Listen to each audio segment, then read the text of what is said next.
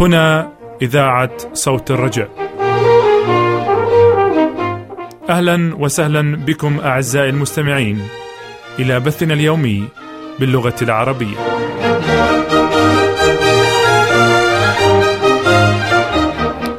معكم وراء الميكروفون صديقكم كريم صلاح وأنا أيضا أصدقائي الكرام أرحب بكم وأتمنى لكم استماعا طيبا ومفيدا.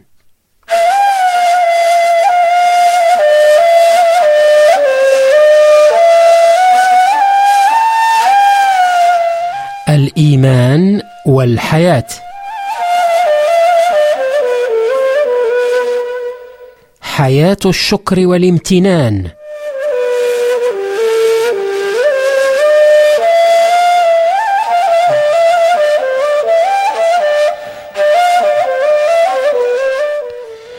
أحبائي المستمعين عندما ابتدأنا بدراستنا لتعاليم الكتاب المقدس رأينا أنها تقسم إلى ثلاثة أقسام فيما يتعلق بنا نحن البشر. اولا معرفة شقائنا وينبوع تعاستنا ومصدر خطايانا العديدة التي تعكر صفو الحياة. القسم الثاني معرفة واعتبار الخلاص العظيم من حالة الخطية والتعاسه والشقاء ورأينا أن ذلك يتم بقبولنا لعمل السيد يسوع المسيح الخلاصي على الصليب. ذلك العمل الذي ينادى به في الإنجيل والذي يرمز إليه الله ويختمه في قلوب المؤمنين بواسطة سري المعمودية والعشاء الرباني. القسم الثالي أو القسم الثالث هو معرفة كيفية الحياة بطريقة تظهر بها شكرنا أي نحن نظهر بها شكرنا لله تعالى الذي أغدق علينا برحمته وخلصنا من الخطايا وطغيانها وسطوتها وسوف نبدأ الآن بدراسة هذا القسم الثالث والأخير من أقسام تعاليم أو عقائد الكتاب المقدس.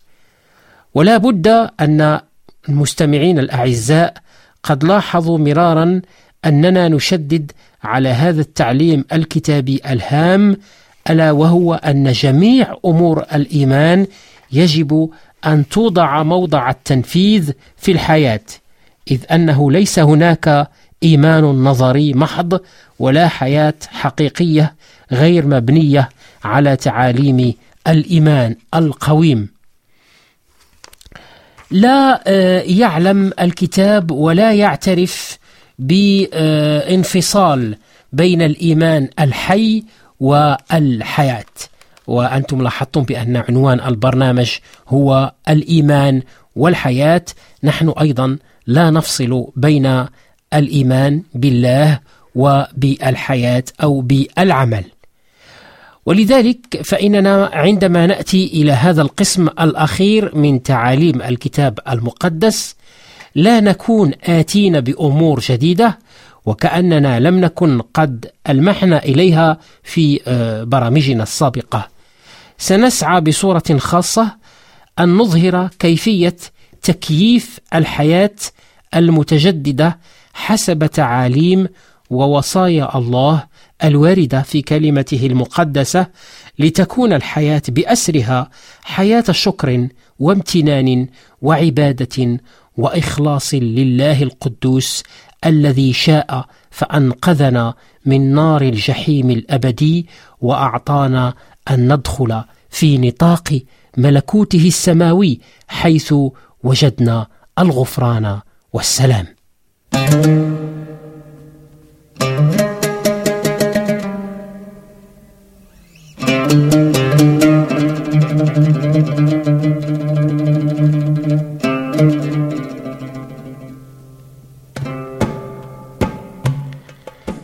أحبائي المستمعين عندما درسنا موضوع الخلاص من الخطية ومن سائر نتائجها المخيفة لاحظنا أن تعاليم الكتاب المقدس تلخص بالقول أن الخلاص بأسره هو من الله.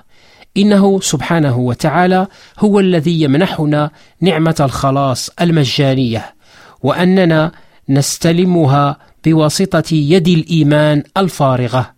الخلاص بأسره هو من الله.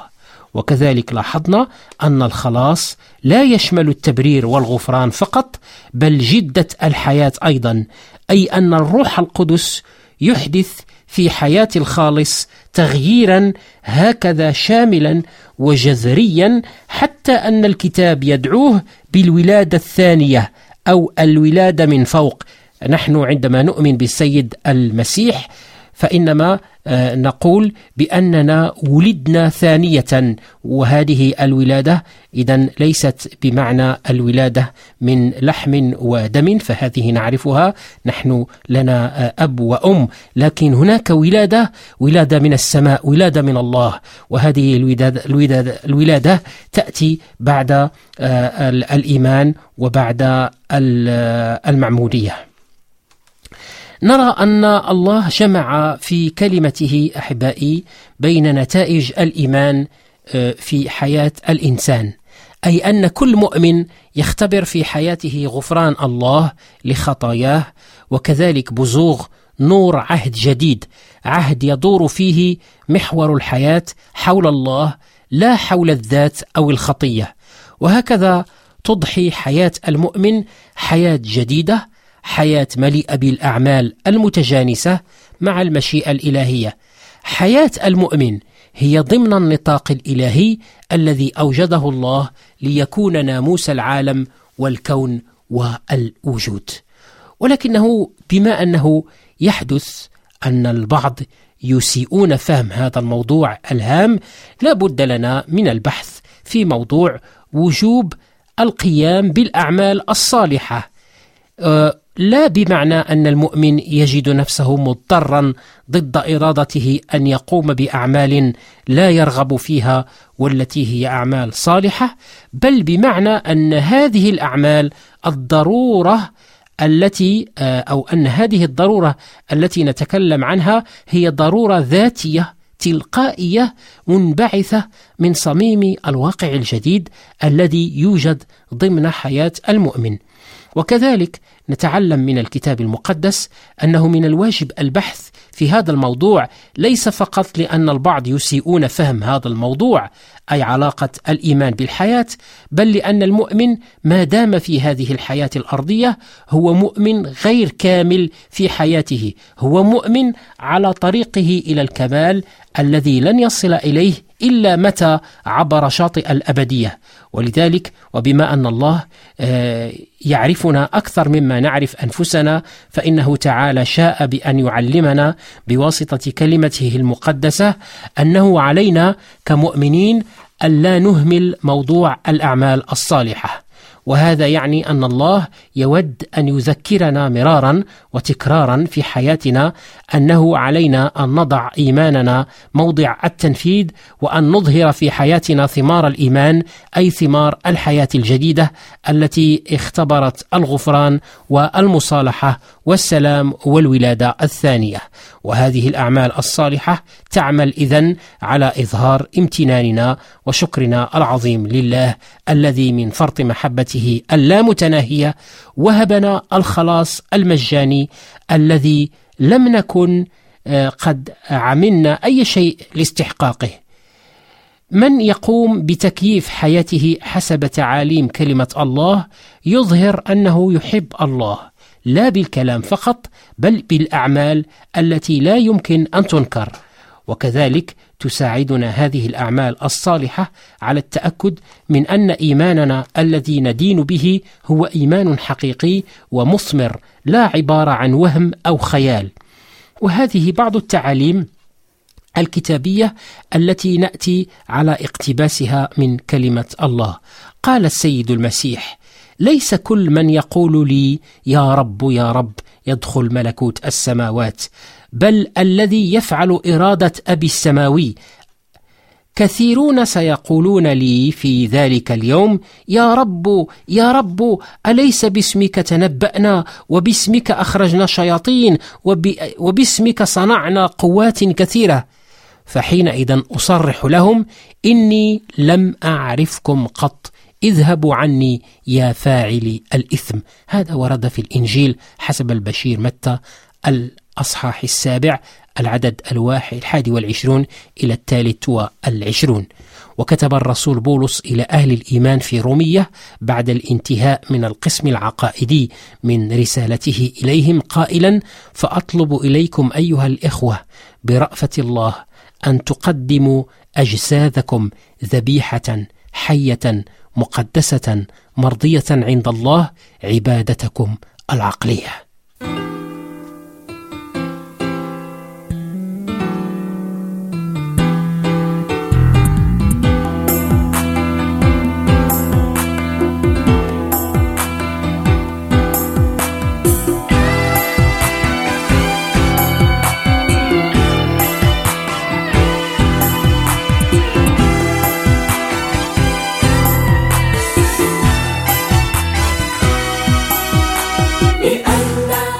أنتم في الاستماع إلى صوت الرجاء. وراء الميكروفون صديقكم كريم صلاح. أطلب منكم أحبائي أن تكاتبونني فذلك يسرني ويفرحني كثيرا وأنا أرد على كل رسالة أتوصل بها منكم. إذا أردتم الحصول على مطبوعاتنا أو على دروسنا بالمجان فالمرجو مكاتبتي على عنواني وهو كريم صلاح صندوق بريد 503 الرمز البريدي 1211 جنيف رقم 12 سويسرا. والعنوان بالفرنسية هو كريم صلاح case postale 503 1211 Genève 12 Suisse. العنوان مرة أخرى كريم صلاح case postale 503 1211 جنيف 12 سويس.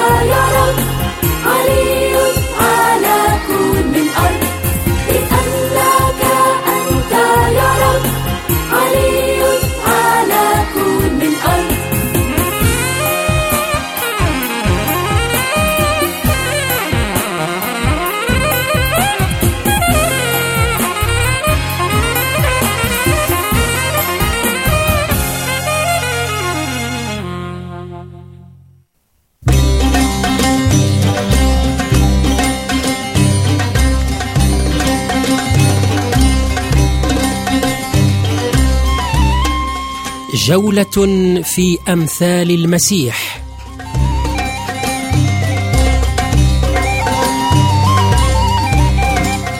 برنامج من إعداد وتقديم الدكتور طه أبو مروان.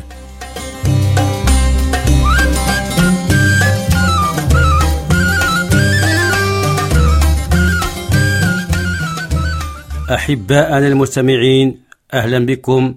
إلى حلقة جديدة من برامجنا وهي بعنوان التشويق في أمثال المسيح. التشويق من دعائم التربية وسر من أسرار النجاح في التعليم. إن المتعلم يتطلع إلى دنيا من التشويق والسرور والجمال فينبغي أن ترعى التربية هذا الميل وتقويه وتغذيه بما هو ملائم من الوجهتين اللفظية والمعنوية فإن امتزاج العبارات بالنفس وقوة أثرها إنما يتوقف على قبولها واستساغتها كما يقول الشاعر إنما تنجح المقالة في المرء إذا صادقت هوى في الفؤاد والتشويق في صميمه وجدان للإنسان حين يحس أن الشيء شائق يشعر بأن باعثا يجذبه إليه ويجذب إليه انتباهه فيقبل عليه ويلبي رغبة في نفسه. وإذا نشط الشوق نشط الوجدان والوجدان من أهم البواعث والدوافع في الحياة وهو الذي يقود الإرادة ويسهل لها السبيل. ومن الأمور التي تثير الوجدان وتوقظ العاطفة أن يكون الشيء جديدا مشابها للمألوف. فالجديد البحث البحث يشوبه الغرابة ويحيط به الغموض. ومن أمثلة الجديد المشابه للمألوف قول المسيح لتلاميذه أنتم ملح الأرض. فإذا فسد الملح فماذا يصنع بالطعام؟ إنه لا يعود يصلح للطعام للأكل ولا للشراب. فلهذا إذا فسد الملح فبماذا يملح؟ وإنما يطرح خارجا ليدوسه الناس.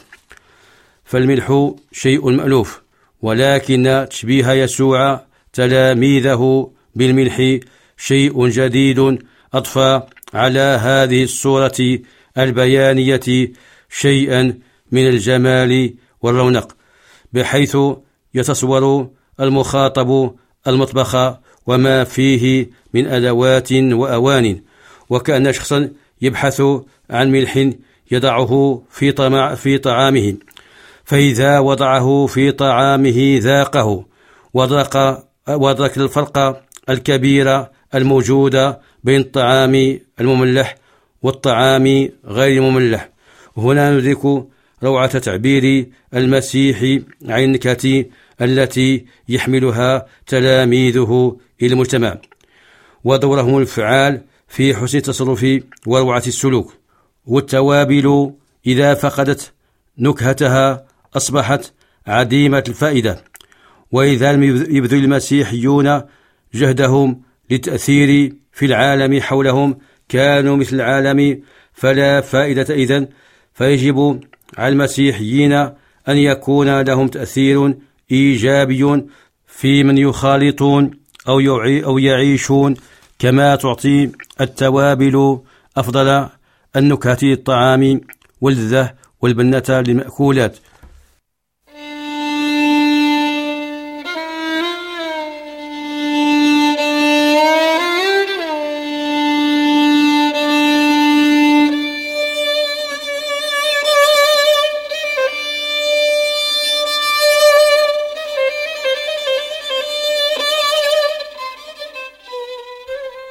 عزيزي المستمع.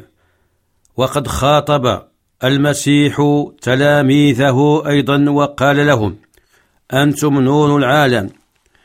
لا يمكن أن تخفى مدينة مبنية على جبل ولا يضيء الناس مصباحا ثم يضعونه تحت مكيال بل يضعونه في مكان مرتفع ليضيء لجميع من في البيت. هكذا فليضئ نوركم أمام الناس ليروا أعمالكم الحسنة ويمجدوا أباكم الذي في السماوات. ففي هذا المقطع تصوير رائع للمال, للمال المؤمن من نور يشع منه على غيره من الناس والأقوام والمجتمعات. فالمدينة الموضوعة على جبل لا يمكن أن تغيب عن الأبصار. إن أنوارها ترى في الليل من مسافات بعيدة. فإذا عشنا للمسيح فإن حياتنا تتلأ كالنور مبهرة للناس مظهرين للآخرين من هو المسيح. ومتى تخفى أنوارنا؟ وإن كان ذلك غير مقبول منا ولا يرضاه المسيح لنا أبدا. إذا تخفى أنوارنا إذا صمتنا عن الشهادة للرب عندما يلزم الكلام. أو إذا سايرنا الأغلبية سواء على حق أم لا. أو إذا أنكرنا النور الذي هو المسيح وتعاليمه. أو إذا تركنا أنفسنا للخطيئة تعمل فينا ما تشاء. فاجعل نورنا نورنا يخبو. أو إذا لم نوضح للآخرين مصدر نورنا. أو إذا تجاهلنا حاجات الآخرين فنكون كالمنارة التي ليس لها دور. ومن تعابير الرائعة تشبيه ملكوت الله ببزرة خردل. فقد قال ماذا يشبه ملكوت الله وبماذا أشبهه إنه يشبه بزرة خردل أخذها إنسان وألقاها في بستانه. فنبتت وصارت شجرة عظيمة وتآوت طيور السماء في أغصانها. ففي مثل بجرة الخردل هذا تصوير يأخذ الألباب ويتحوذ على مجامع القلوب ويأخذ بتلابيب العقل والفؤاد.